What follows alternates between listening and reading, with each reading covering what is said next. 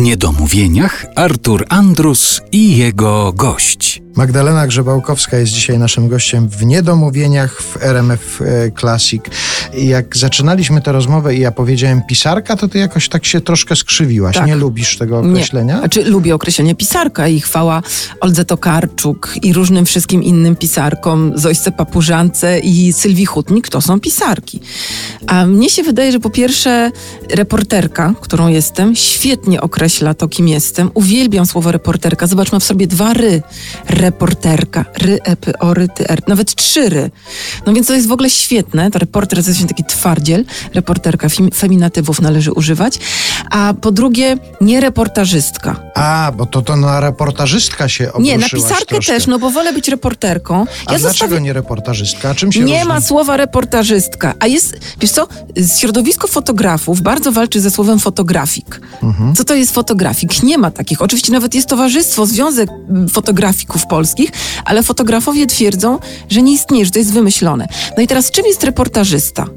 Kiedy z reportera stajesz się reportażystą? Po pierwszej nagrodzie, po pierwszej książce, czy lekarz po doktoracie staje się lekarzystą? Reporter, Dobrze, reporterka. Dobrze, nie będę się kłócił, Tak, bo to nie chodzi dziękuję. o to, żeby się Wziąć za łby. Zwłaszcza, że też mówiąc, to jakoś nie odczuwałem negatywnego... Mhm. e, To nikt nie odczuwa, tylko my tak się podśmiewujemy trochę. Mhm.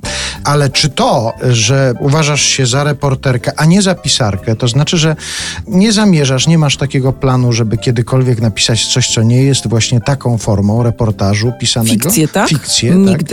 Nigdy. Jak byłam małą dziewczynką i byłam w harcerstwie, ja w ogóle od zawsze lubiłam opowiadać i gadać. I w przedszkolu nawet, jak pani chciała uspokoić dzieci, to sadzała mnie i dzieci dookoła mnie i ja tam snułam, co mi ślina na język przyniosła. W harcerstwie miałam bardzo częstą funkcję gawędziarza, czyli przy ognisku, jak się siedziało wieczorem, ja miałam za zadanie wymyślić gawędę. Uwielbiałam to. I wtedy bardzo mi pracował mózg na falach fikcja. Czego ja tam nie wymyślałam, a wszyscy to lubili.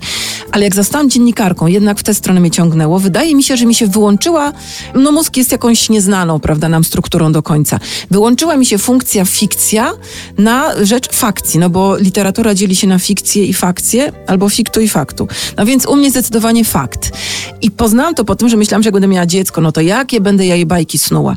I nie umiałam, bo wtedy już byłam reporterką. No dobrze, ale w związku z tym, że piszesz coś, co jest faktem, co bierze się z prawdziwego życia, jest opisem prawdziwego życia prawdziwych ludzi, to sięgasz z kolei, jeżeli chodzi o czytanie, to sięgasz po fikcję, czy też e, wolisz czytać coś, co jest oparte na prawdzie i na... Ja czytam wszystko.